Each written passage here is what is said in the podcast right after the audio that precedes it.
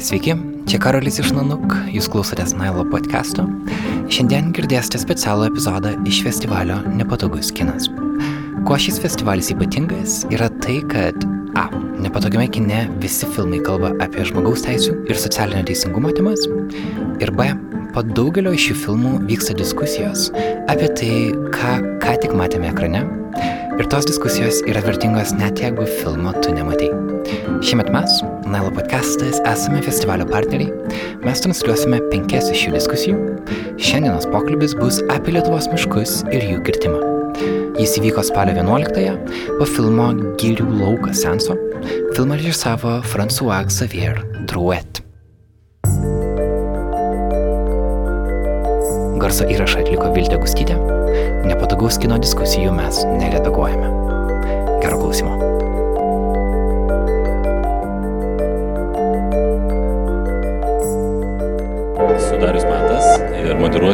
Diskusiją. Kaip suprantu, jau apsisprendė dalis tie, kurie lieka diskusijoje ir tie, kurie jau sprunka penktadienį namo. Tad prieš, gal visų pirma pakviesiu diskusijų dalyvius, kad būtų jaukiau ir būtų aiškiau, kas šį vakarą su mumis dalyvauja. Tai e, kviečiu Algi Gaižutį, Lietuvos miško ir žemės savininko asociacijos valdybos pirmininką. Prašau, tai išsirinkite kelią, kuriem patogiau. Taip pat kviečiu Nerijų Kupstaitį, aplinkos ministerijos miškų politikos grupės vyriausiai patarėją. Taip, prašau, prisėskite Nerijų. Tokia labai vyriška kompanija bus šį vakarą. Kodėl galim irgi padiskutuoti, aš irgi filmę taip stebėjau ir žiūrėjau, kiekgi tų moterų yra pasisakančių, tai nelabai daug ir Lietuvoje irgi matyt, gali, čia gal kitos diskusijos dalis, kodėl būtent tiek daug vyrų miškininkystės sektorėje dirba. Mindaugas Lapelė, botanikas iš Dzukijos nacionalinio parko. Taip, taip pat prie mūsų prisijungti kviečiu Mindaugą Survilą, gamtininką, dokumentinių filmų apie gamtą kurieje. Tai prašau. Ir e, Virginija Vingrienė, Lietuvos Respublikos Seimo narė, aplinkos komiteto narė. Prašau, jūs prisėskit. Taip, aš tuomet taip per vidurį kokias paduosiu mikrofoną, jo teks jums pasidalinti vienu. E, prieš pradedant diskusiją norėčiau užduoti klausimą jums. E, ar galite pakelti ranką tie, kurie mėgstate mišką? Mhm, gerai, ačiū. Ir dar vienas klausimas. Pakelkite ranką tie, kurie namuose turite bent vieną medinį baldą. Mhm.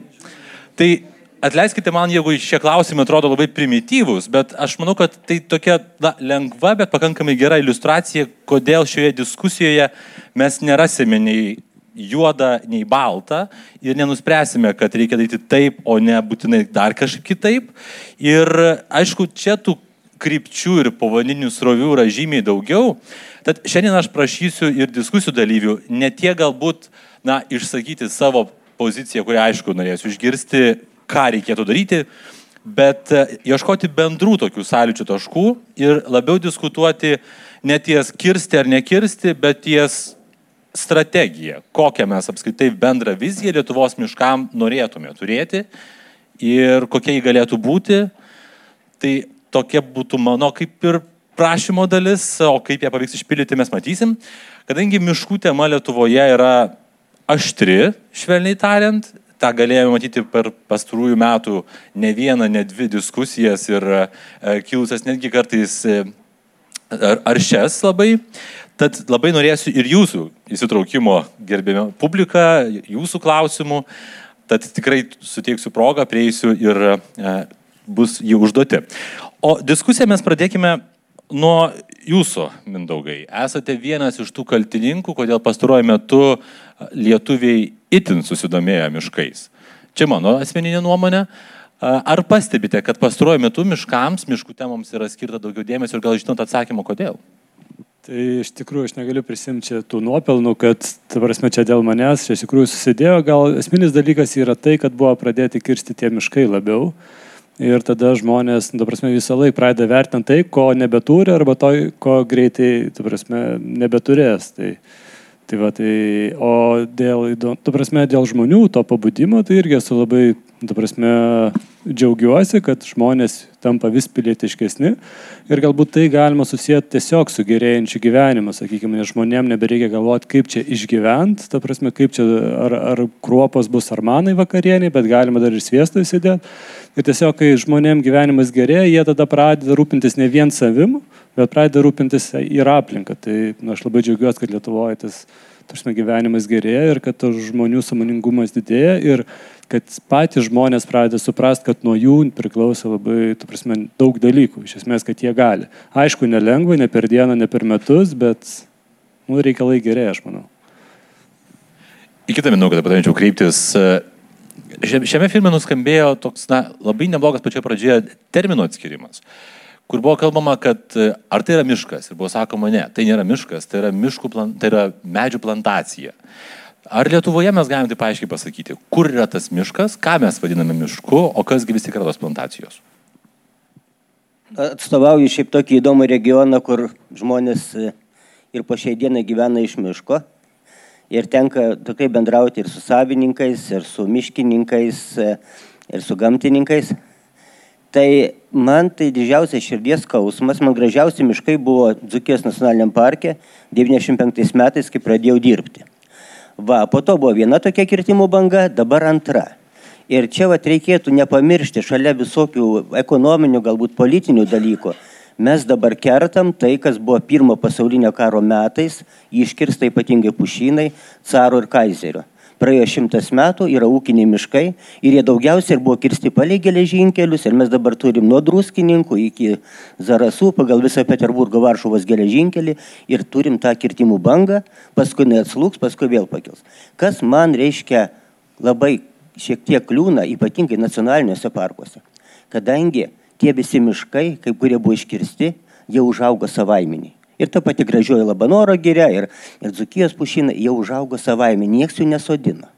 Dabar prie dabartinės šitos tvarkos ir, ir visų taisyklių mes turim labai didelę grėsmę, ne tai, kad bus iškirsta, bet mes ateityje, kad turėsime ir saugomose teritorijose, ir nacionalinėse parkuose, mes turėsime faktiškai ne miškus, o medynus. Tai va tokia yra, toks yra niuansas. Yra. Turėsime medynus, jūs tai taip. Pasakėt. Medynus, tai, medynus tai būtent tai, kad ten tos gyvybės e, ilgiau, lai, ilgiau, ilgiau reikia laiko, turbūt, kad tas medynas pavirstų į mišką, taip sakyčiau. Pone Kupstaitė, tai grįžtant prie tos strategijos, kurią paminėjau prieš tai. Štai dabar irgi filme mes matėme tam tikrą ir tokį, na, susiskirstimą. Vieni sako, kad na, vis tik reikia, ar ne, tos ir miško pramonės. Ir tai yra ūkiniai miškai, reikia juos atskirti nuo paprastų miškų, kuriuose mes galbūt na, galime leisti laisvalaikį. Lietuvoje mes taip pat galime išvelgti tą tokį pasiskirstimą. Tačiau ar yra na, bendra strategija, kokią dalį Lietuvoje esančių miškų mes norime palikti rekreacijai? Manęs taiga kažką išjungia, ne? E, kokią dalį miškų mes vis tik traktuojame kaip žemės ūkio, galima sakyti, dalį, ūkio dalį. Ar yra tokia strategija, yra toks susitarimas?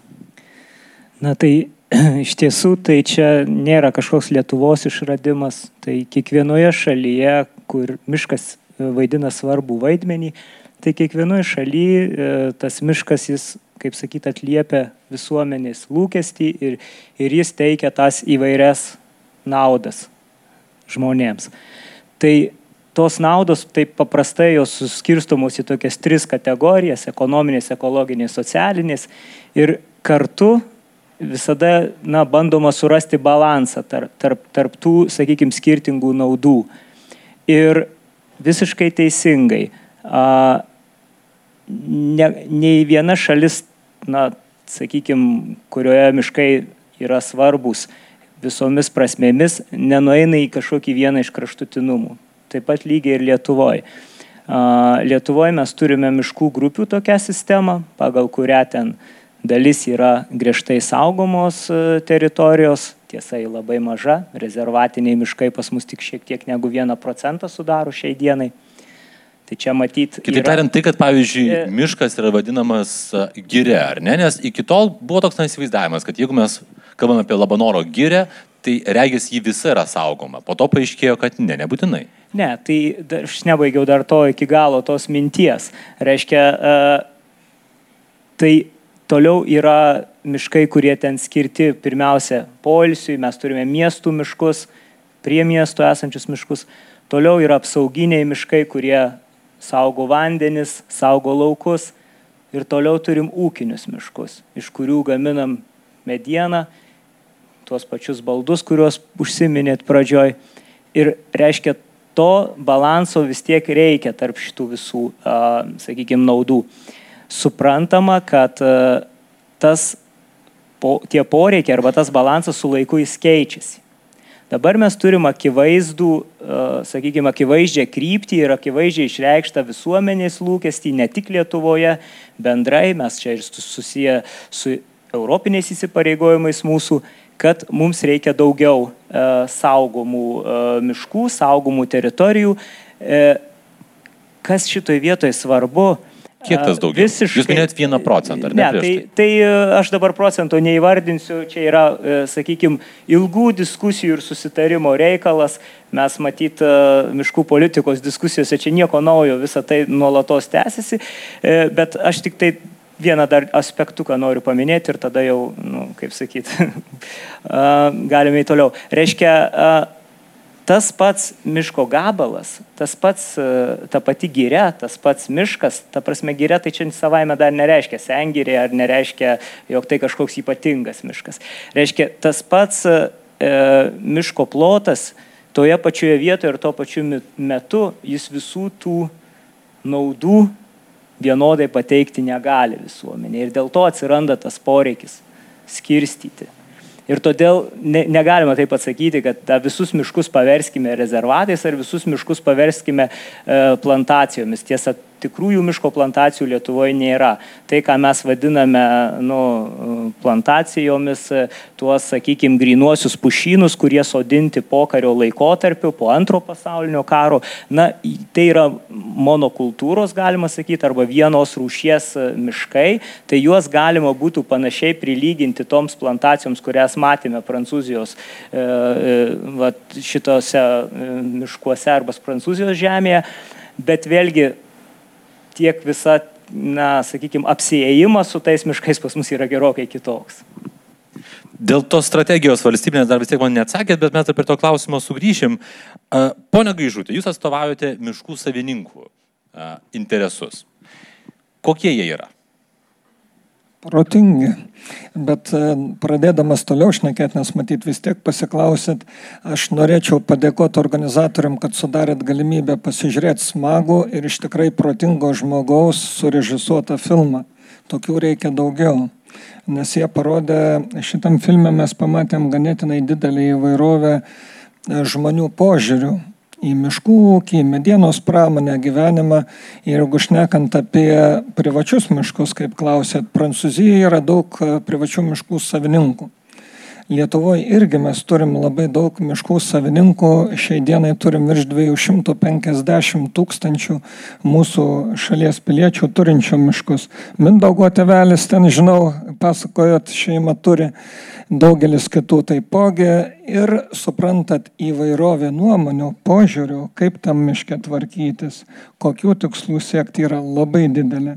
Aš e, su Mindaugu buvom Vilniaus universitete, gamtos fakultete, kai jūs pristatėt savo filmą Sengerį, sakėt, koks šeimoje kilo nu, skirtingas požiūris. Mindaugas nori daug senų medžių, kad ten turėtų kur paukščiai lizdus krauti ir kad nebūtų judinama. Tėtis Mindaugo nori kad nudžiūvęs medis būtų supjautas, nes nu, kvailas ūkininkas, kuris tokio malkam nepanaudoja. Kitas, kita, dabar gal ten, jo, dar, dar ne, kiti iš vis, mes turim daug tokių romantinę miškininkystę Lietuvoje įsimančių žmonių, kurie daug investuoja. Man va, dabar, va, žiūrint tą filmą, prisiminiau Vladislavą Petrauską, toks iš Žygaičio, yra miškininkas entuziastas. Jisai kiekvieną stambesnį medį pažymė kaip gamtos paminklą. Niekur jie neįteisinti. jis eksperimentuoja su žolynų atsikūrimu įvairiausiais ploteliais. Bet vienas dalykas, jis yra labai žinomas, autoritetingas miškininkas, jį šiek tiek laisviau traktuoja, jam duoda daugiau laisvės. Aš kai žiūrėjau prancūzijos moteris, kurios savaime atkūrinėja Mindaugai pušynus ten pas mus atėjęs inspektorius į mišką už tokį savaiminį atkūrimą nubaustų ar baudą gautumėm e, šitą mažą nepasirodytų, nes mišką turi atkurti per tris metus na, po naudojimo. Nu, jeigu per penkis metus netkuri ir savaime nesikuria, tai jau valstybė įpareigota atsodinti ir iš savininko išreikalauti pinigus, e, kuriuos e, tas panaudojo. Taip, kad Matyt, nerius ir jūs manęs dar paklausėt, bet miškuose reikalinga ilgalaikė strategija. Reikalinga daug laiko. Vis tik prie, grįžtant prie klausimo pradžios. Tai jūs vienijat ne tik tos pavienius Lietuvos gyventojus, kurie turi miško vieną kitą hektarą, tačiau jūs taip pat e, jungiate ir keliasdešimt, berots apie 50 įmonių, kurios taip pat yra savininkės miško. Tai kokiegi yra interesai? Juk negalim sakyti, kad visų interesai yra romantiški, tiesiog na, gražiai prižiūrėti mišką, pažinot kiekvieną medelį, jį pažymėti, vieną kitą nukirsti ir panašiai. Ne, ne, įvairiausių interesų yra. Įmonės ūkinė veikla, tai ir čia rodė, yra ekonominis interesas, nes vis tik tai jeigu tu e, samdai žmonės, e, įsigyji techniką, e, turi investicijas, tos iš kažkur turi jos ateit, lėšos. Taigi svetimi pinigai turi savybę greitai baigtis, dėl to iš kažkokių tai paramų arba nieko nedirbant ir nieko neuždirbant ilgai nepragyvensi. Todėl turi būti racionalus, ekonominis požiūris į veiklas, kuriuose plėtoji veiklą. Ir jeigu investuoji, turi iš kažkur uždirbti. Yra nepelno veikla, yra įvairiausi projektai, kur e, reikia e, šitą kažkokius tai rezultatus pasiekti, nebūtinai ekonominis. Ir tokių yra. Yra žmonių ir, ir tikrai ne vienas, e, kuris nieko nedaro tuose miškuose. Ir dabar va, turim tokią problemą, mindaugai sengerė, kas yra tikrų aplinkos saugininkų požiūrių. Kai normalus miškas supūva, savaime išgriūva, toje vietoje atsikūrė naujas ir užauga vėl iki įvairiausios rūšys, nesikešant žmogui žmogui iki brandaus amžiaus. Tai dabar mes turim 30 metų nejudinamus rezervuotus miškus, kurių vis dar statistikoje rodo apie 30 procentų nejudinamo, šiaip 10 procentų miškų. Jo. E, tada turim didelę dalį privačių miškų, kurie po nuosavybės gražinimo iš vis neūkininkaujama tenai, nes e, ūkininkaujant reikia miškotvarkos projekto. Jeigu žiūrėt e, statistiką, tik apie 28 procentai visų privačių miškų turi vidinius miškotvarkos projektus. Tai vadinasi, kituose arba neūkininkaujame intensyviai, nes galima, jeigu mažuose plotuose, tai neturint projektų kažką daryti, arba iš vis jie kol kas paliekami tokiai savyjai. Tai va ten yra kaip tik ta įvairovė 30 metų nejudinama, kur galima iš tiesų daug ką padaryti, ypatingai tuose savaiminėse miškuose, kurie atsikūrė gamtos. Bet e, ten, jeigu, jeigu jūs dar klausit manęs, paskui papasakosiu, kaip ten tvarkomas iš tikrųjų. Gerai, prieisime prie to klausimo. Aš tada dar norėčiau jūs kreiptis, prineš mikrofoną ir toliau. Labas vakaras. Gerai, tai mes girdime, na, pareiškimą. Lietuvai, kaip ir e, kitom valstybėm, reikia daugiau saugomų teritorijų. Daugiau, daugiau saugomų teritorijų reiškia ribojimus kitoje pusėje. Nebūtinai. Tai kaip galima užtikrinti tą daugiau saugomų teritorijų, nenuskriaudžiant ir miškų savininkų interesų tuo pačiu ir ar apskritai, vat, ta vis tik strategija mano prieš tai minėta, į kurią vis bandžiau gauti atsakymą, jie egzistuoja. Kiek daugiau tų saugomų teritorijų mes norim? E, na, tai aš pirmiausia norėčiau pasakyti, kad iš principo mes turėtumėm biologinės įvairovės e, išsaugojimą, kaip sakant, įgyvendinti. Tai čia vienas iš, iš tų aspektų. E, tačiau aš pasisakyčiau už tai, kad mes į visą mišką žiūrėtumėm visapusiškai, ne vien tik tai, tarkim, ūkiniuose miškuose, ketvirtos grupės miškuose, kad būtų vykdoma vien tik tai ūkinė veikla.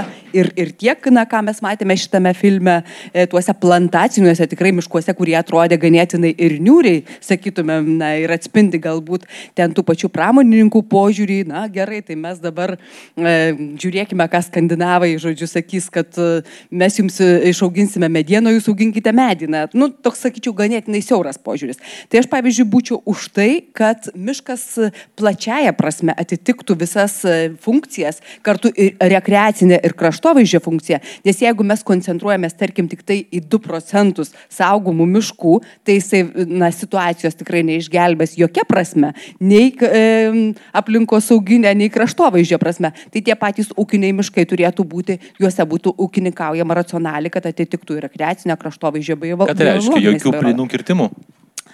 Na, nebūtinai jokių plinų kirtimų, bet be abejo jų, e, na, kaip galima mažiau. Net tai yra įvairiausios kirtimo metodikos, ne vien pilni kirtimai, yra ir e, atrankiniai, atvejiniai kirtimai, e, kurie, kurie iš tikrųjų, na, ne, nesudaro tokios liūdnos situacijos ir netokie masiniai pilni kirtimai. Nu, aišku, gamtininkams yra pakankamai juokinga, nes jie mano turbūt, kad kaip galima daugiau sengirių turėtų būti, ne, bet turbūt mes turėtumėm atrasti atrasti e, e, aukso vidurį vis dėlto. Ir, e, na, žiūrėkime, tarkime, kitų šalių pavyzdį, tos pačios Austrijos pavyzdį, na, kiek ten yra plynų kirtimų masinių. Aš pati esu iš Dzukijos, iš Druskininkų regiono, kur dominuoja privatus miškai. Vat, truputėlį gal paprieštaraučiau gerbiamam gaižučiui, kad privačių miškų savininkai žiūri protingai į mišką. Na, yra nemaža dalis tikrai, kurių tikslas yra tik tai iškirsti plinai ir na, po to tokia, tokiam gražioj vietoviai, tarkim, gamta tikrai turtingoj,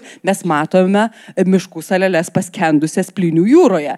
Tai vėlgi turim žiūrėti racionaliai, e, atkuriant, atsodinant, atitinkamai e, e, pritaikant sklypus, kad šalia nebūtų iškertamas plinai kitas ar, ar mažais ploteliais susidedantis didelės po to plinės susidarytų. Tai be abejo viskas turėtų būti plačiau žiūrima ir, ir žiūrima na, strategiškai į priekį, ne tai, kad, kad mes e, sugadiname vaizdą e, ir ūkinėme miške ar, ar kažkur apie gražią vietovę sugadiname vien todėl, kad masiškai iškirstumėm e, įdarbindami tą techniką, apie kurią kalbėjo, kad, na, tikrai labai, labai protingai pasakė Metkirtys, sako, na, kaip čia galinga technika, monstrai, prieš kurį miškas tikrai neatsilaikys, bet gal mes galime tikrai surasti tą racionalesnį sprendimą, neįdarbinant vien tik tai miško technikos tam, kad jinai atsipirktų ir, ir už juos būtų, reiškia, na, atsiskaitoma bankams ar, ar dirbama džiongyrui, kai kalbama buvo. Kaip bet... tai padaryti? Ar galime tiesiog ateiti ir pasakyti miškų savininkam? Štai dabar, vat, kas trečiam mes drausime kirsti, todėl kad taip reikia, nes šalia jūsų sklypai, tad jeigu vienas iškirsit ir kitas, tai bus per didelė tai plynė. Ir dabar taip yra, tai dabar juk irgi yra miškų atvarkos projektai ir, ir negalima taip jau kiekvieną iškirsti, bet be abejo įvairiausių projektų yra, jo labiau, kad e, privatus miškai, na ir, ir gerbiamas gaižutį šypsos ir juokiasi, na yra tikrai maži, ma, mažais plotais, vidutinis e, privataus miško sklypas, kiek 3 beros hektarai, ar netgi dabar ir mažiau, tai, tai todėl atitinkamai formuojami kirtimai ir, ir taip viskas vyksta. Tai e, be abejo, tai yra, yra bendra strategija miškininkystės ir ne tai, kad galima kirsti bet ką, ką noriu, bet jinai turėtų būti racionalesnė. Ir tas tos pačios miškų kirtimo taisyklės turėtų būti nebe tokios liberalios, kokios šiandieną yra. E, tarkim, ir kad, pavyzdžiui, taikomi ne vien plini kirtimai, bet atrankiniai kirtimai, kur paliekamos ke keli medžiai praktiškai prilyksta plinam kirtimui ir nukertama trečios grupės miškuose, kur yra saugotini miškai. Tai irgi yra problema. Aš manyčiau, kad mes tikrai turėtume žiūrėti racionaliai visur ir, ir tame tarpe ir ketvirtos grupės miškuose, juo labiau, kad šiandieną, tarp kitko, beje, e, Europos reikalų komitete mes išlydėjome e, žem, e, Žemės ūkio ministerijos atstovus į kaimo tarybą nu, Žemės ūkio taryba, e, kur pristatinėjo, ta prasme, mūsų poziciją dėl e, miškų strategijos. Tai vėlgi bendra miškų strategija turėtų būti išsaugoti ir racionaliai naudoti miškus. Tai mes turime taip pat pasakyti savo nuomonę šito klausimu. Taip, aš matau, norite sureaguoti, neriu. Taip, aš noriu trumpai sureaguoti pirmiausia dėl to, kad neliktų klaidinga interpretacija apie 1-2 procentus. Tai kai aš kalbėjau apie tą šiandieninį santykį, kurį mes turime, tai mes turime 70 procentų ūkinių miškų ir 30 procentų įvairios apsaugos statusą turinčių miškų. Tai, na, ta prasme, kad, kad nebūtų klaidinga, klaidinga tas. Dabar, e, kad tuose 30 procentų galbūt reikėtų uh, keisti miškininkavimo sakykime, praktikas.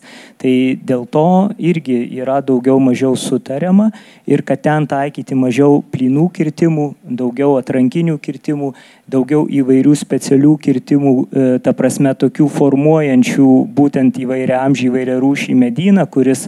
E, dabar jūs, dariau, atsitikleisit, gal aš čia nelabai suprantu, bet vėl bandot mane suvelti. Tai mes turime 30 procentų miškų, kurie yra vienaip arba kitaip saugomi, Taip. 70 procentų ne. Miškų, kurie saugomi.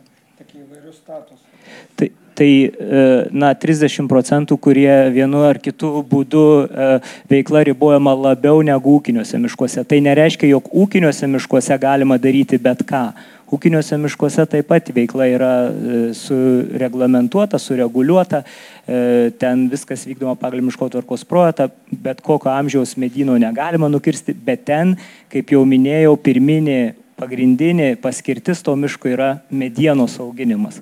Kol kas mediena e, vis dėlto yra vienintelis pagrindinis produktas, kuris duoda pajamas iš miško dar kol kas mes nepriejome prie to ir nesusitarėme ne tik Lietuvoje, Europoje, bet ir visame pasaulyje, jog vadinamos ekosisteminės paslaugos, miškų ar kitų ekosistemų būtų deramai, sakykime, įtraukiamos į ekonomiką. Kol kas to nėra. Tai kol kas mediena yra tas pagrindinis, e, sakykime, produktas, kuris generuoja pajamas ir iš kurio paskui finansuojame tie miško auginimo darbai kaip e, taip, kad, na, sakykime, užtikrinti tą nuolatinį a, neprastesnės kokybės mišką ateities kartoms, negu mes jį turime dabar. Tai tokia yra pagrindinė strategija. Taip, minau, jūs norite sureaguoti. Kaip aš suprantu, jeigu mes miškų visai nekirsime, tai nebus iš ko jų sodinti ir išlaikyti. Tokia mintis dabar. A, nu, tai čia nuklystant iš šono, kiek iš čia sėdinčių gal gali pakelt rankas galvoja, kad neprižiūrimas miškas išnyks kad išnyks, nu, kad jam bus blogai neprižiūrima miškui. Tai va, tai dabar, jeigu žmogus neprižiūrės, tai automatiškai jisai neišnyks ir jisai bus tik tai vertingesnis. Dabar dėl tų saugomų teritorijų, dėl tų 30 procentų, ar ne, tai gal Mindaugas lapelė tiksliau galėtų kaip jie yra saugomi? Aš norėčiau tiesiog, kadangi, kai kalbam bendrai 30 procentų, ar ten vienas, tai čia turėjo gerimas Derijus, turbūt omeny rezervatus tik tai, tai konkrečiai nacionalinis parkas Dukijos yra 39 procentai, yra ketvirta grupė ūkiniai miškai. Kituose nacionaliniuose parkuose praktiškai arba mažiau, arba visai nėra, bet kadangi šilų dzūkai gyveno iš, iš miško, tai 39 procentai ūkiniai miškai, pušies skirtimo amžius 100 metų. Dar taip, 40... dar taip miestiečiam, kurie dar mažiau su mišku susidūrė, taip. ką tai reiškia? Tai yra ūkinis miškas, tai yra, yra sakysim, pušiai, yra ūkinė ta branda šimtas metų. Tai ateina šimtas metų ir tu gali kirsti tą pušį. Toliau ta, ta vadinama ketvirta grupė. Trečia grupė - apsauginiai - upių pakrantės, ten kelių, laukų, visokie taip toliau. E, draustinių kai kurie miškai. Pušiai kirtimo amžius 110 metų. Antra grupė ekosistemo, tai va štai tokių mes turim 41 procentą. Kas nutinka, jeigu nekirstum? Nes buvo dabar tokių irgi kalbų, kad e, štai reikėtų nekirsti, verslininkai sako, jeigu mes nekirsime, diena supus, nebus iš to jokios naudos. Ne, čia yra, mes truputį, truputį, reiškia, nu, jau tada čia visai kitas klausimas yra. Tai aš noriu ką pasakyti, kad nacionaliniam parke, kur žmonės įsivaizduoja nacionalinis parkas, tai yra kažkas jau tokio labai jau saugoma taip. Ir inteligentai nusiperka trobelę pamiškėje, atvažiuoja kitą pavasarį, trobelė prie kirtavietės jau yra. Tai, tai va, tai ir galvo, kaip čia nacionalinis parkas rašo skundus ministerijai, kad čia va korupcija kažkas iškirto. Tai 80 procentų miškų praktiškai yra kertami gana anksti. Ir tada lieka 3 procentai nacionaliniam parke yra maži dar rezervatai tokie, kur jau gamta tvarkosi pagal save. Ir likusieji tenai, kiek ten 17, lie antros grupės ekosistemų apsaugos miškai, kur pušiai leidžia užaukti iki 170 metų. Vadinama jau ta gamtinė branda. Bet e, vienas dalykas, kad dabar ta antra grupė irgi toli gražu nėra tokie seni miškai, jie tik tai gal ateityje bus, jeigu jiems bus leista užaukti. Ir kitas dalykas, o ką reiškia, kai sulaukia 170 metų, tai jau biologinės įvairovės neliko, kad reikia iškirsti. Už tai didžiausia dabar diskusija ir yra vat, dėl tos antros grupės miškų vis dėlto, kiek jų turi būti vėl. Ir dabar aš dar norėčiau papiknaudžiauti truputį, e, bet labai šitą auditoriją, manau, tiks ir filme tas labai buvo gražiai nušviesta. Tas susirinkimas visuomenės buvo. Beveik vien moteriškės. Va, ir e, Danai 95 metais darė studiją Danų požiūris į miškus. Ir pagal tą visą požiūrį Danų į miškus yra labai gražios trys grupės. Yra ūkininkai, tai nereiškia, kad žemdirbiai ar ką, bet žmonės, kurie mano, kad miškas turi duoti naudą. Tiek mediena, tiek gal resursai vėl 50 procentų.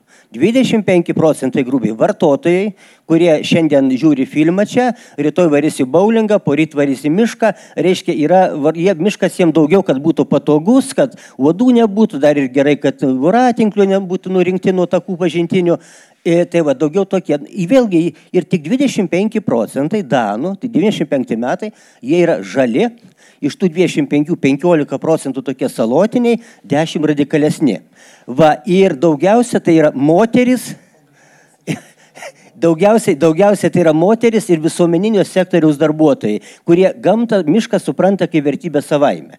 Ir va tada, reiškia, mes čia mėginam vieni kitus, sakysim, tu turi taip tikėti, tu turi taip. Tai yra, ir kas buvo ir su punio šilu dabar, kas yra, tai yra visuomenės lakmuso papirėlis, punio šilas, kuris parodo visuomenės nuomonės. Ir va kas man šitoje vietoje labiausiai skauda, ir aš tą rašiau savo postuose, kad jaučiu kaip du žingsnius atgal žengiam, kad tos institucijos, kurios turėtų tą visuomenę temti link e, to žalumo, reiškia, va, kažkaip tai, kad atvirkščiai mes liktai sugrįžtame labiau į tokį pragmatinį tą vartojimą arba ūkininkų požiūrį. Tai va šitas man šitoj situacijai skaudina. Ar galima sakyti, kad dabar mes miškus saugom mažiau negu saugom anksčiau? Ne, mes nesaugom mažiau, bet tiesiog keičiasi situacija. Keičiasi, mes nesaugom mažiau, bet keičiasi ir klimatas keičiasi, ir, ir visi šitie dalykai. Ir visuomenė keičiasi. Kas svarbiausia, mes patys nepasim, kaip keičiasi visuomenė. Ir jinai pradėjo, tie, sakysim, žmonės e, labiau tikrai reikštis, labiau, labiau šitas domėtis.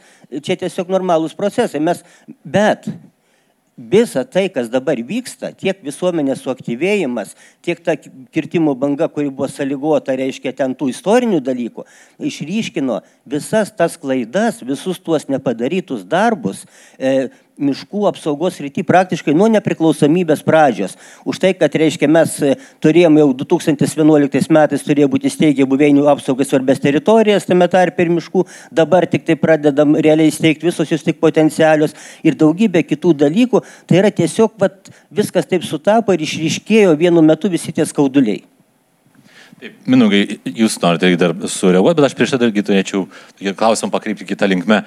Minėta buvo, kad 250 tūkstančių tiek yra miško savininkų Lietuvoje, labai didelis žmonių būrys tam, kad būtume galima rasti tokį vieną bendrą sprendimą. Ir jeigu staiga, na, šiais mūsų demokratiniais laikais, 21 amžiuje, ateitum pa žmogų ir sakytum, žinai, mes dabar nusprendėme už tave, kad tavo sklype, kadangi tau teko mišką čia auginti, tu jį dabar auginsi taip, o ne kitaip.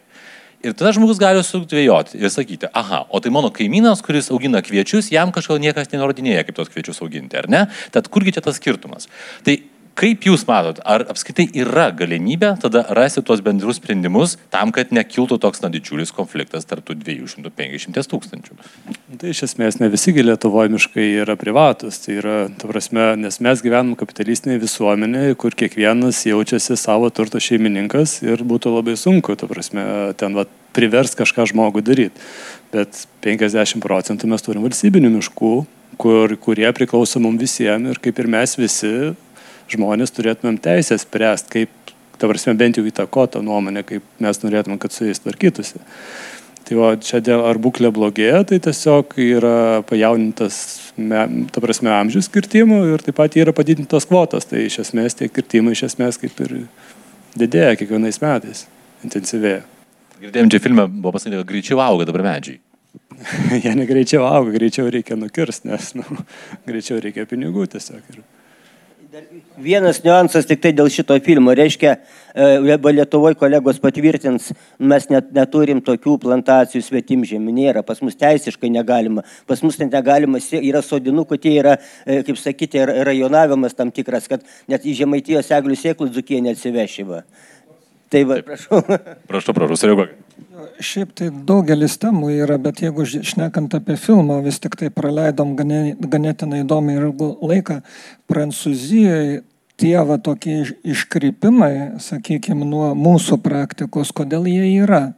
Todėl, kad ten stipriai ilgą laiką subsidijavo energetiką žalėje ir tada malė į skiedrą bet kokį storiausią ažalą, nes tas apsimokėjo. Ir naudos iš to negavo nei miško savininkai, nei miškininkai, gavo energetikai ir pas mus. Už klimato taršos apyvartos leidimus nei miškininkas, nei miško savininkas tos naudos negauna už atsinaujančią energetiką.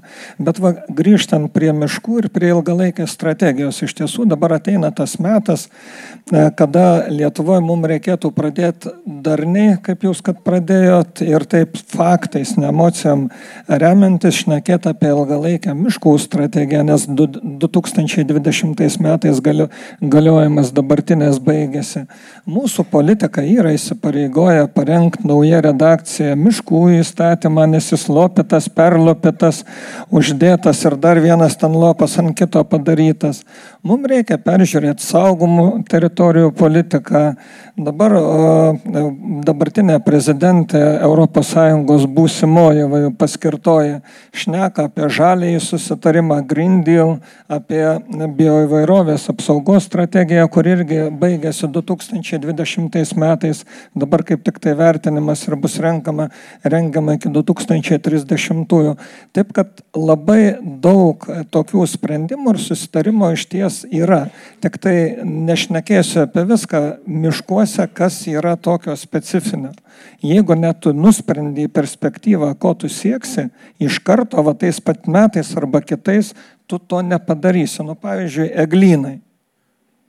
Našus, pusamžiai ar ten jau pasiekę brandą eglyną, mes ten tokių turim, nes valstybiniuose miškuose buvo vis tik tai jau trečia rotacija tokių eglynų, e, kad jie būtų kuo labiau viena, viena rūšė ir viena amžiai jeigu tu juos pradėsi kirsti ne plinai, o kažkokiu atrankiniu būdu, tu antro etapo eglyno neturėsi, nes vėjas išvers eglyno šaknį paviršinės, nu ir turi tada palaipsniui daryti grupinių kažkokį kirtimų, bet protingai.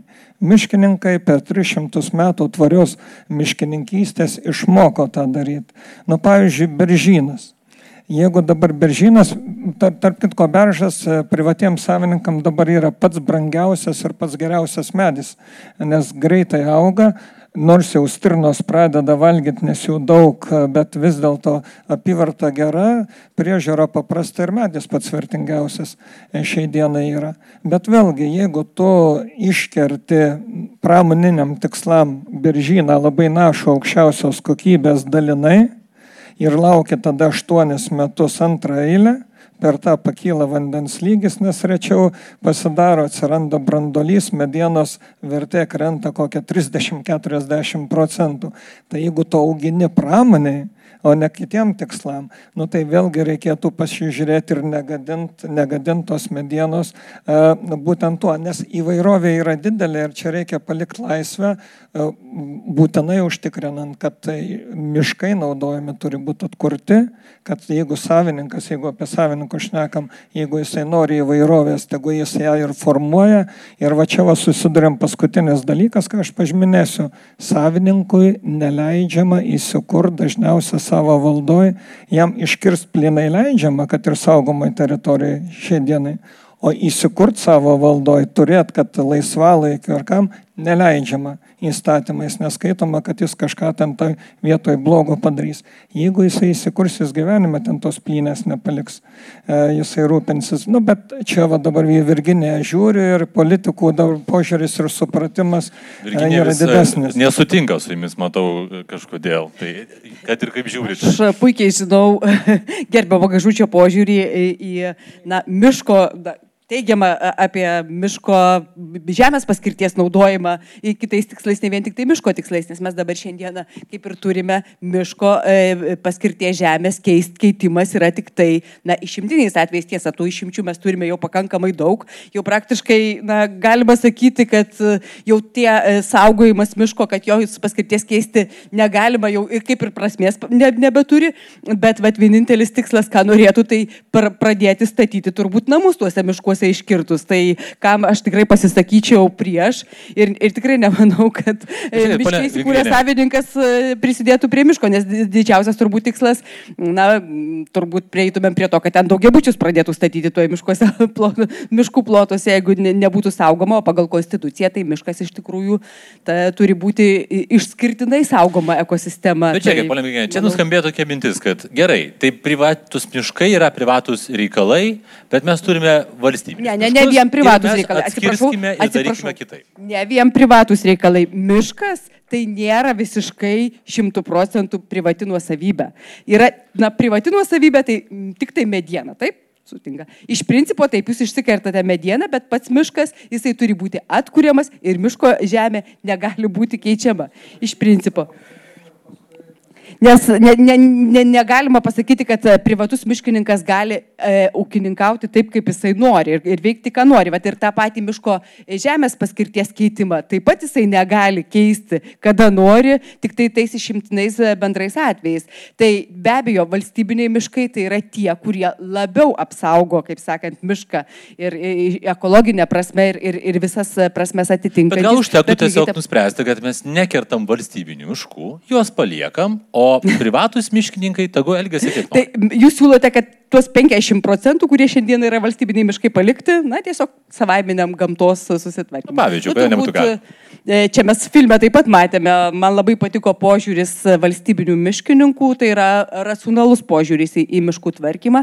Tai aš manau, kad mes nu, tikrai į kraštutinumus neturėtume eiti, bet na, turėtų būti tvarkomas ir racionaliai. Dėja, valstybiniuose miškuose irgi yra dideli kirtimai masiniai ir kartais galbūt galėtų truputėlį žiūrėti, e, kaip sakant, na, protingiau ir, ir, ir kad negazdintų visuomenės tokiais plinais kirtimais, kaip tarkim Labarnoro girioje ar, ar kažkur kitur. Tai aš, aš manyčiau, kad mes tikrai turėtumėm žiūrėti daug, daug racionaliau visuose miškuose. Na ir dar kartą noriu pabrėžti, kad tie 2 procentai sengirių tikrai gamtos neišgelbės, jeigu mes racionaliai nesitvarkysime absoliučiai miškuose, pritaikant, e, atsižvelgiant į visas miško paskirties e, funkcijas. Rekreacija tame tarpe ir, ir mm, kraštovaizdį ir taip toliau visur turi būti tvarkomasi tikrai pakankamai racionaliai. Taip, dar, leiskime dar ir Minugui sureaguoti trumpais. Irgi turiu komentarą. Tai, Minugai, tai gal iš tikrųjų visus valstybinius miškus reikia versti sengirėmis ir valstybė gali užsidirbinėti kitais būdais. Na, iš tikrųjų, galbūt visai neblogai, bet pažiūrėkime punio šylą, kuris yra nu, toks mažutis mažutis ir kurio neįmanoma dvarsime pavirti sengirį, tai čia užsimoti visos liet, visą Lietuvą pavirti sengirį, tai čia yra nu, tiesiog pasvajonė. Tai va, o čia dar replikuočiau į tai, kad miškininkai išmoko tvarkyti su miškais ir 300 metų jau tvarkosi, tai, va, tai yra puikus pavyzdys Belovežo gire kai yra puikiai, ta prasme, tas pačias eglės, kad yra pasodinamos eglės, iškertamos plinais, vėl atsodinamos, vėl užauga ir užauga taip vadinamo monokultūros. Kad, prasme, kureinė yra viena eglė ir iš esmės jie yra e, vieną amžių, ta prasme, viena rūšis medinas. Tai ką tai reiškia? Ta prasme, tai reiškia, pavyzdžiui, jeigu koks nors ten kenkėjas, pavadinkime miškininkų terminais, pradeda plist, tai jis labai greitai gali plist. Ta prasme, ir apskritai biovairovė. Visi žmonės kalba apie sengirės, kad yra didelė biovairovė. Tai kam ta biovairovė didelė yra apskritai reikalinga. Tai analogiją galima, ta prasme, su žmogaus smegenimis švęsti. Nes, pavyzdžiui, žmogaus smegenys, nu, visi mokslininkai sako, kad žmogaus smegenų panaudoja 9 arba 10 procentų. Visa kita yra nereikalinga. O smegenys yra toks organas, kuris suvalgo ten 90 procentų maistinių medžiagų, jis spinduliuoja labai daug šilumos ir žmogui labai labai daug kainuoja jas išlaikyti. Tavarsime, uodego žmogus neišlaikė, kuri nieko nekainavo, o smegenys išlaiko. Tai kodėl? Tai neurobiologam tai yra labai paprastas iš tikrųjų atsakymas. Prasme, smegenys, at, pavyzdžiui, jeigu žmogus pradeda jausis, kad jam kažkas blogai yra su galva, nueina, padaro tomografą ir pamato, kad du trečdaliai smegenų jau nebėra. Tiesiog jos yra išnykę. Tai tiesiog ta, ta prasme, smegenys yra labai jautrus organas ir už viską atsakingas ir tas funkcijas dubliuoja kitos dalis. Pavyzdžiui, jeigu vienas smegenys dalis apmiršta, tai ta kita perima funkcijas ir be jokių sutrikimų nu, žmogus egzistuoja arba kitas gyvūnas. Su mišku irgi lygiai yra taip pat. Sakykime, dabar va, irgi čia Mindaugas gal daugiau pakomentuos apie pušų kenkėjus, kurie buvo atėję ir kuriuos buvo, tu prasme, sumanyta purkšt. Ir vėl, tai, tai va, bet, tu prasme, jeigu koks nors ateina kenkėjas, jeigu ta biorovė yra didžiulė, tai iš karto atsiranda tie organizmai, kurie kenkia tiem kenkėjim, pavadinkim, ir sistema pati susorganizuoja. Pavyzdžiui, yra Vokietija, man atrodo, ir Čekijos nu, siena, ir Vokietijoje yra vienokia politika tvarkytis, Čekijoje kitokia. Vienu, jeigu insimeta ten kinivarpatą, sakykime, yra iškart iškertama. Nu, ta prasme, žiauriai kertama, kad jie neplistų. Kitoje šalyje, ta prasme, nieko nėra daroma. Ir nepasakysiu tiksliai dabar, bet iš esmės e, ir ten, ir ten tų kinivarpų yra lygiai tiek pat. Arba, pavyzdžiui, yra daug mokslinių straipsnių apie tuos pačias kinivarpas, kur darom rezervatinėse teritorijose, kur apšalių čia jokios veiklos ir ūkiniuose miškuose. Taip, rezervatuose jų yra daugiau. Bet pagrindinis dalykas yra tai, kad tos, kur senuose gyriuose, ta prasme, tie žydiniai taip neišplinta, kaip vat, plinta dabar Bilavėžo gyrė. Ta prasme, yra E, įvairia rūšis, įvairia amžius medinas ir jis pats yra atsparus. Čia gal Mindaugas dar pridėtų. Bet tai, ir dar Mindaugą papildykit. Tai vadinasi, mums reikia... Ne, aš jau dabar jūs kreipiuosi. Ne, aš tai, ne, apie, ne, aš tai noriu apie žmonės kalbėti, ne apie, apie žmonės. Taip, bet pridurkite ir tai, kad mes galim kalbėti ne tik apie tai, kirsti, nekirsti, kiek kirsti, bet ir apie tai, kaip mes atsodinam. Čia irgi matyti yra diskusijos klausimas. Yra, yra tai, vėlgi, tai yra, aš norėčiau pradėti taip, kad 20, kitais metais bus 25 metai, kaip Zukės nacionaliniam parke. Pradėjau dirbti, buvo 13 girininkijų, apie 250 darbuotojų buvo. Va, dabar tai liko, reiškia, šitas septynios, gal per dvi, du padalinius. Ir iš tikro miškininkas nėra mišk, miškininkas miške, nu, kaip sakyt, būna daug mažiau. Tai čia va tas yra dalykas, galbūt tos, aš kaip mačiau, kaip gražiai ten jie piketuoja visi, galbūt e, tos visos reformos buvo truputį ir per drastiškos. Nu vėlgi yra ekonominė nauda, kaštai ir taip toliau. Va, bet aš noriu ką kitką pasakyti. Vat ponia šitas Virginė gražiai sakė, čia reikėtų labiau žiūrėti, reikėtų taip žiūrėti, reikėtų kitaip. Prieš dvi dienas važinėjau su vienu miškininku, sako, nu jau nepatogu net uniformą apsivilkti, dar gerai, kad akmenim nemėto. Reiškia, kalti dėl visų jaunų Lietuvos nuodėmių. Taip pat ir mes susidurėm su tuo. Kadangi mums tenka visus tuos dalykus, kurie sugalvoti abiejose Gedimino prospekto pusėse, tenka patirti savo kailiu. Va, ir va šitoje vietoje yra, mes nekam apie ten saugomas teritorijas plėsti ar ką. Pirmiausiai duokit tom pačiom saugom teritorijom, tiem patiem miškininkam įrankius. Čia Lietuvoje. O kokių įrankių reikia? O aš noriu ką pasakyti. Yra labai, labai lengva gyventi, kai turi tokį stereotipą. E, visi privatininkai arba ten šitas yra gopšuoliai tenai, va, savanaudžiai, e, visi valdininkai korumpuoti, gamtininkai neįgalus ir tada, o, o mes esam geri, grin tokie teisėjai. Va. Tai šitaip gyvenime nėra. Va, ir daugiau nėra, dauguma dalykų Lietuvoje, jeigu ir vyksta kokios, nėra tokių totalinių vagysčių, ar ten miško, ar ten kažkokių neteisėtų kirtimų didelėjim apimtim. Viskas vyksta teisės aktų rėmuose su yra tam tikros pilkos zonos, aišku, kur tu gali žaisti, baudas gauti vėl. Tai va šitoje vietoje duokit įrankius miškininkam, o ne tai kaip dabar e, vidinių įsakymų kažkokį tai urėdo ten kažką tą kirst, tą nekirst. Duokit, reiškia, teisės aktus miškininkam, duokit teisės aktus, reiškia, saugomų teritorijų darbuotojams normalius. Ir tada Bet bus galima. Teisės aktų trūksta? Kokių vat, įrankių reikėtų tam? Ar mes jokių neturim? Mes turim dabar teisinės bylas prasidėjo, reiškia, kur iš viena pusė spaudžia, kad reikia tai gyveninti, o mes neturim tam įrankių. Čia, nu, čia nenoriu aš auditorijos, e, auditorijos dabar šitas va, įvelti tuos dalykus, bet, bet situacija ta, kad va, šitų trūksta tikrai to dalyko. Šiaip, kadangi Seimo narė miškininkystės mokosi aplinko, aplinkos apsaugos komitete jau kruopšiai visą kadenciją Virginėje, tai tikrai neleisit meluoti, kad pagrindinė problema, kad tie teisės aktai keičiami kas mėnesį. Ir stabilumo jokio nėra nei gamtininkam, nei miškininkam, nei žemės savininkam, nes iš tikrųjų labai didelė įvairovė, kas sumanęs, tas kokią pataisą registruoja.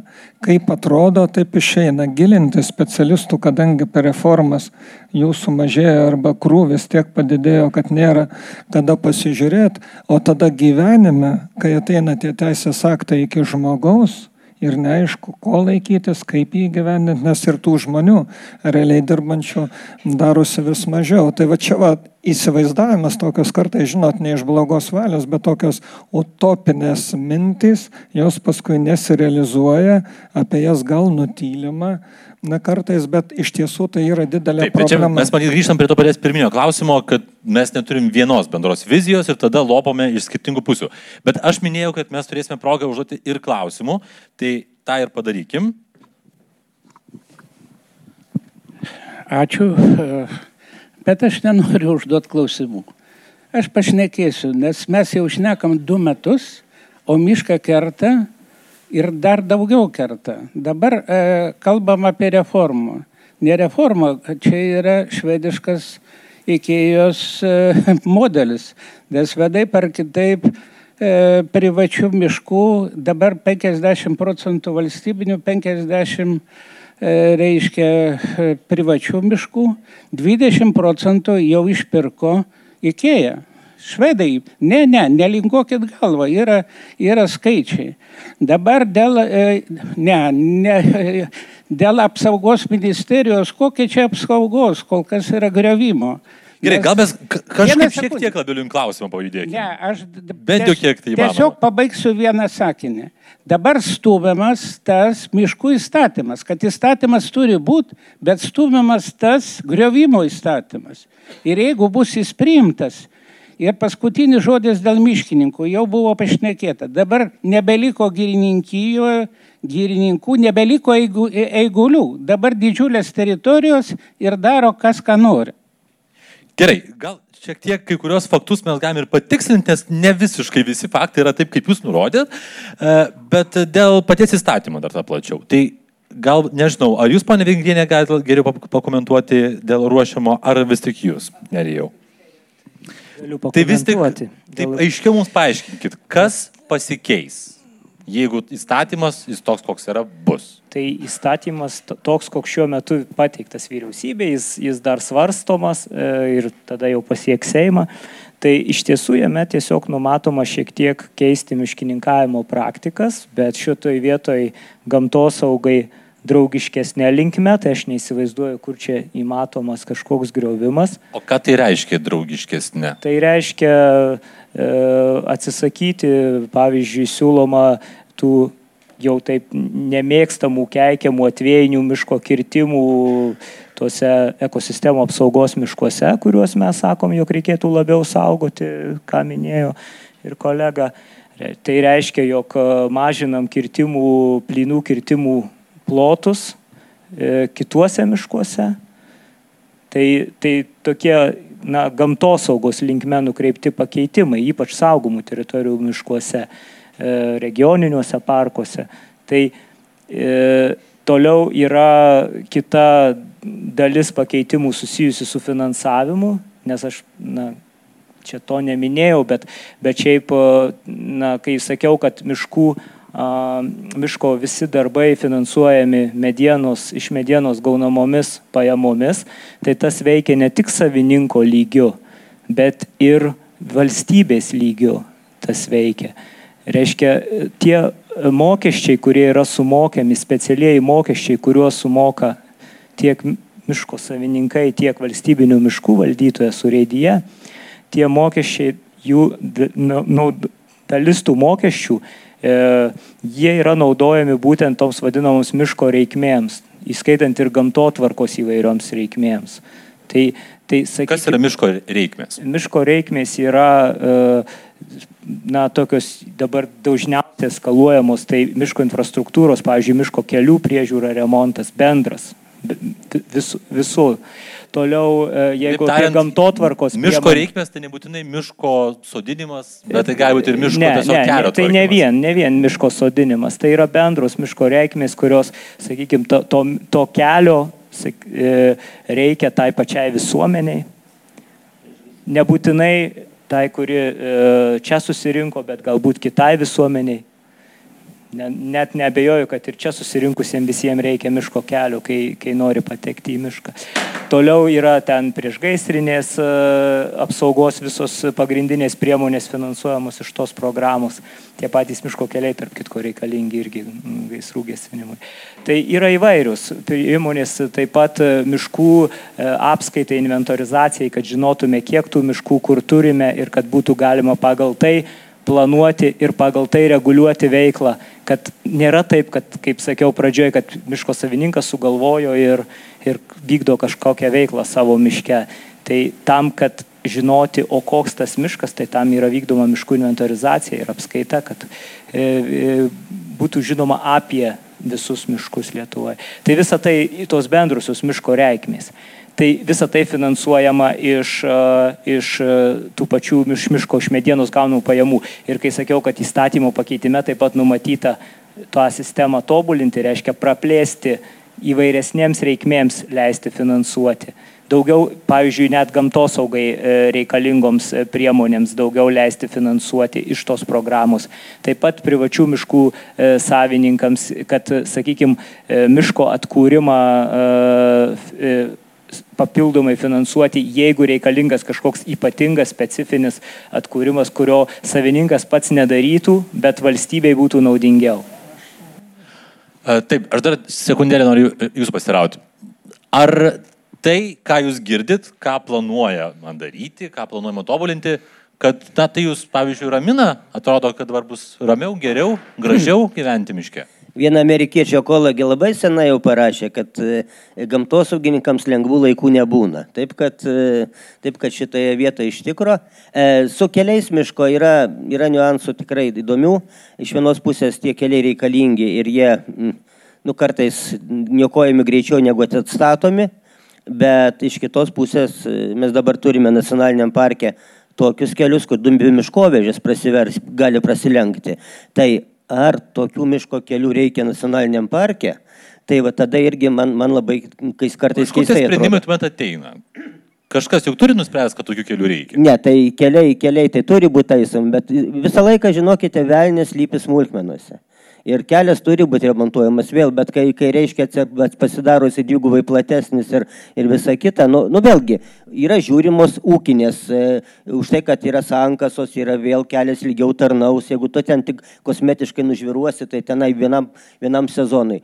Bet aš ko labiausiai norėčiau, kad dabar yra tam tikri skirtumai, bet ūkininkavimas saugomų teritorijų miškuose skirtusi nuo to, kas yra už saugomų teritorijų, kad tu įvažiavęs iškart matytum. Dabar reikia labai pasistengti, kad tuos skirtumus yra tam tikri niuansai, tenai kirtimo ten laiko, dar kažkas tai, bet netgi pavyzdžiui, aš esu atvirai prisipažinsiu, plinų kirtimų šalininkas esu.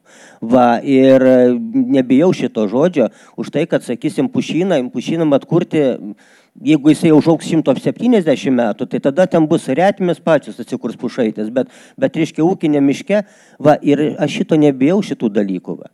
Tai, tai suprantate, tai yra, yra reiškia, nu, nu, kaip, čia, kaip čia pasakyti, yra, sakau, mes turėtum, turėtų būti labiau viskas, galbūt ir pririšta prie prie vietos, ta prasme, prie ne tai, kai dabar visai Lietuvai nuleista vienodas, vienodas reikalavimas, reiškia. Ir, ir, ir iš kitų, ir mes ką gaunam, mes ką gaunam nacionaliniam parke, plinų kirtimų nėra teoriškai, tik tai ten, nu, pelkinės augavietės. Bet kadangi neatsikūrė po antro atveju, neatsikūrė kerpšelį pušinas, tai atvažiuoja žmonės ir mato, reiškia, iš karto nuplynę didelę. Tai va šitie dalykai yra, e, tai sakysim, va tokie dalykai yra. Tai, tai sakau, yra, yra paprasčiausiai ūkininkavimas turi skirtis. Vat ko aš, ko aš labiausiai norėčiau, kad skirtusi nuo saugomai teritorijai ir už saugomos teritorijos, netūkiniuose miškuose. Taip. Gerbiamas Mindaugas, dėl miškų įstatymą aš noriu du aspektus paminėti, bet va, va, tiesiog užbaigiant tą, ką jūs sakėte, Dzukijos nacionaliniam parke, kadangi ten yra vis dėlto smėlynai, pušynai, ir kai uždraudė plienus kirtimus, ten yra tokia agresyvi varpinė žolė, lendrūnas va tokia užauga, ir jeigu tu atveri pušyną, bet neleidži iškirsti plinai ir tada užauga lendrūnas ir niekas neatsikuria. O šiaip miškų, čia miškų įstatymė nepagalvojus, kaip veiks, buvo įtvirtintas toks draudimas, nu ir visiems nacionaliniam parkam, nežiūrint, e, kur jie bebūtų.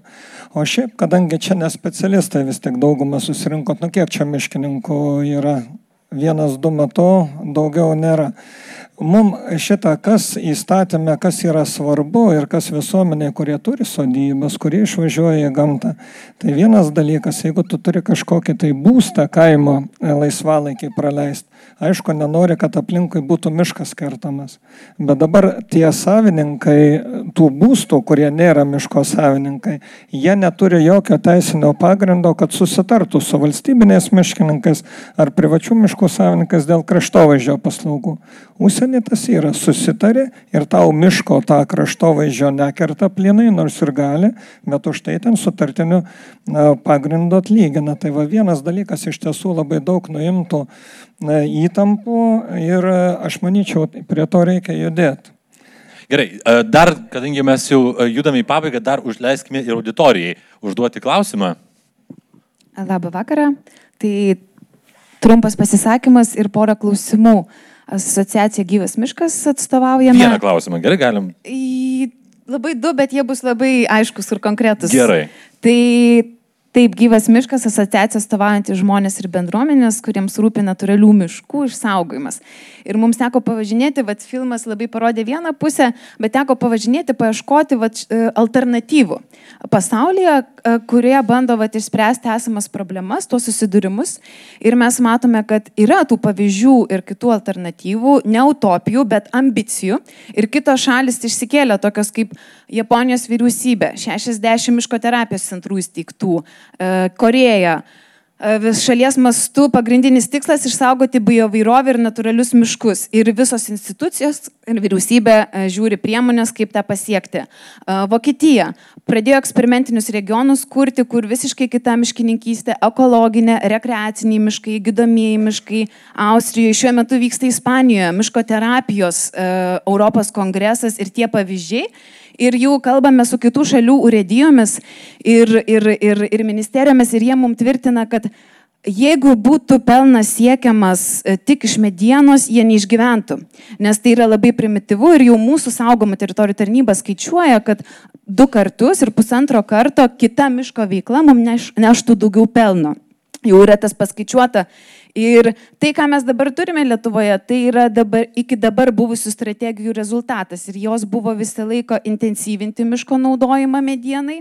Ir valstybė skiria resursus e, gamyklų steigimui. Prisidėjo, prisidėjo 50 milijonų, daugiau milijonų prie įvairių gamyklų e, steigimo. Tai klausimas, kokie yra tie visuomenės poreikiai ir va dabar kuriant naują strategiją gal mažiau to pikimosi, bet visiems kartu, jeigu visuomenė nusprendžia, kad jos poreikis yra kitas, visom institucijom pasijungti, ieškoti tų sprendimų. Tai mano klausimas bus vienas e, gerbiamam e, Neriui Kupstaičiui.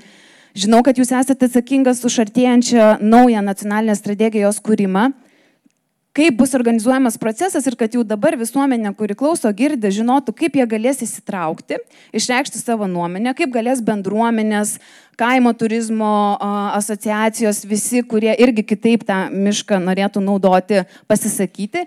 Ir kitas gal gerbiamam gaižučiui, Dažnai girdime, kad dabar privatininkai tarsi šantažuoja visuomenę ir, ir valstybę, kad jeigu mums saugomai teritorijai neleisite kirsti, tai dabar turite čia mums apmokėti mūsų medienos kainą. Bet iš jūsų niekas miško netema ir leidžia vykti tą kitą rekreacinę veiklą Apriboja teisės. Tai trumpas, ar jūs asociacija, ar jūs domitės, ar jūs važiuojate į tuos kongresus, kur pristatinėja kitą miško veiklą, ne medieną? Mes perėsim prie to klausimo. Pirmą, atsakykime pirmą dalį klausimo.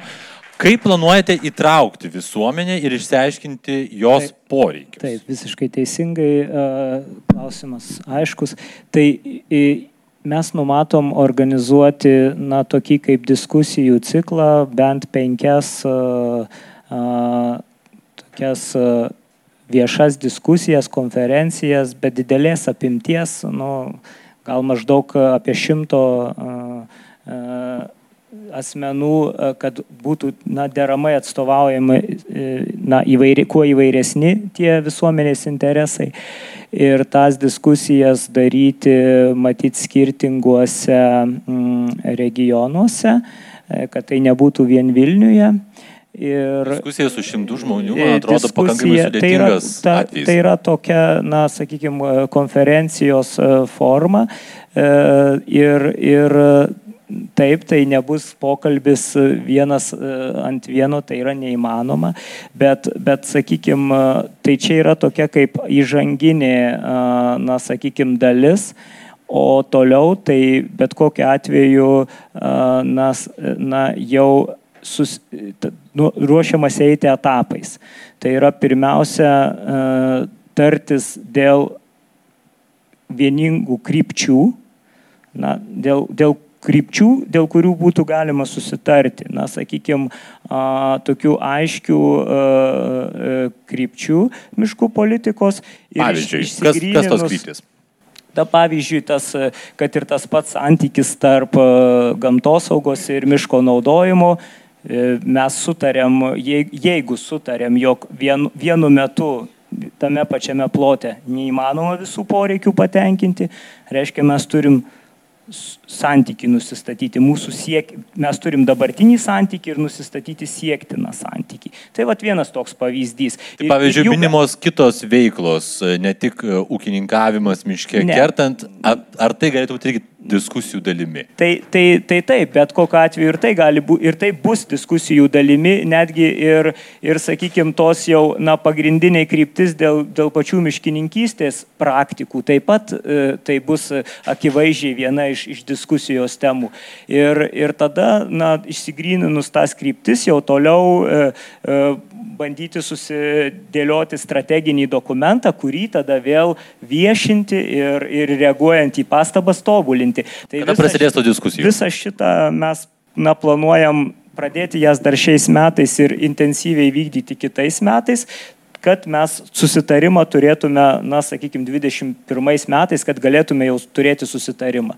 Tai toks, nu, to, na, toks yra tasai planas. E, nenorim kartoti to, to sakykime, proceso, kai buvo daryta su pereita strategija.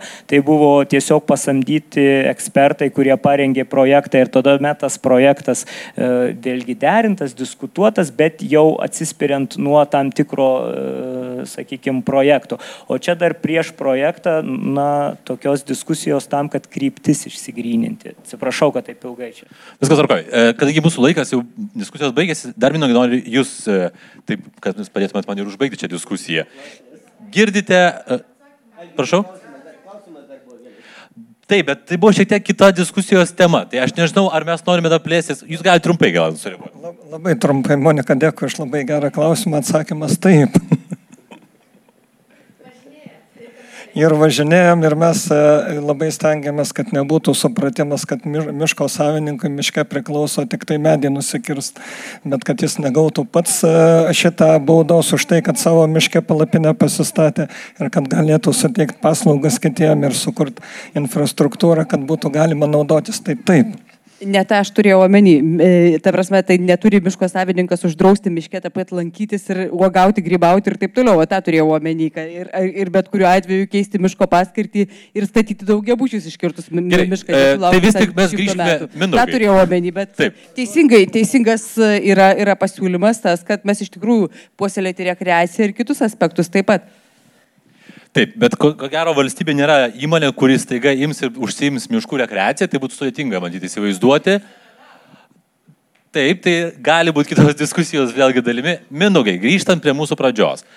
Kalbame apie tai, kad neturime bendros strategijos, girdime dabar apie a, aplinkos bent jau ministerijos, na, tokį norą užmėgsti dialogą su bendruomenėmis, susikviesti diskusijai ir rasti bendrus sprendimo būdus.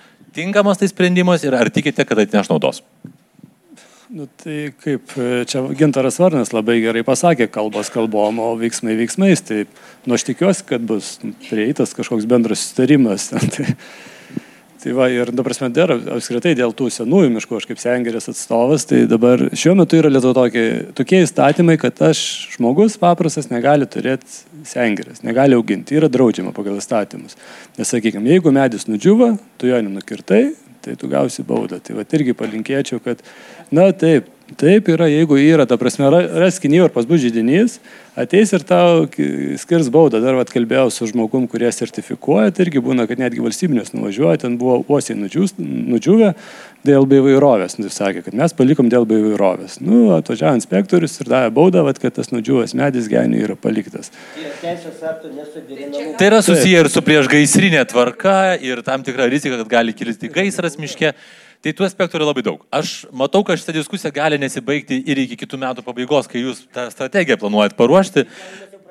Tai jau praktiškai pradėjom. Aš labai dėkoju diskusijų dalyviam, kurie čia susirinko ir žiūrėjo kartu su mumis filmą ir diskutavo. Tai priminsiu, tai yra Algis Gaižutis, Lietuvos miško ir žemės ūkio ir žemės savininkų asociacijos valdybos pirmininkas. Nerijus Kupstaitis, aplinkos ministerijos miškų politikos grupės vyriausias patarėjas, Minugas Lapelė, botanikas iš Dzukijos nacionalinio parko, Minugas Survila, gamtininkas filmų apie gamtą kuriejas ir Virginija Vingrienė, Seimo narė aplinkos komiteto narė. Tad dėkoju diskusijų dalyviam, dėkoju jum, gražaus artėjančio savaitgalio ir, na, gražaus dialogo, kurį žada ministerija.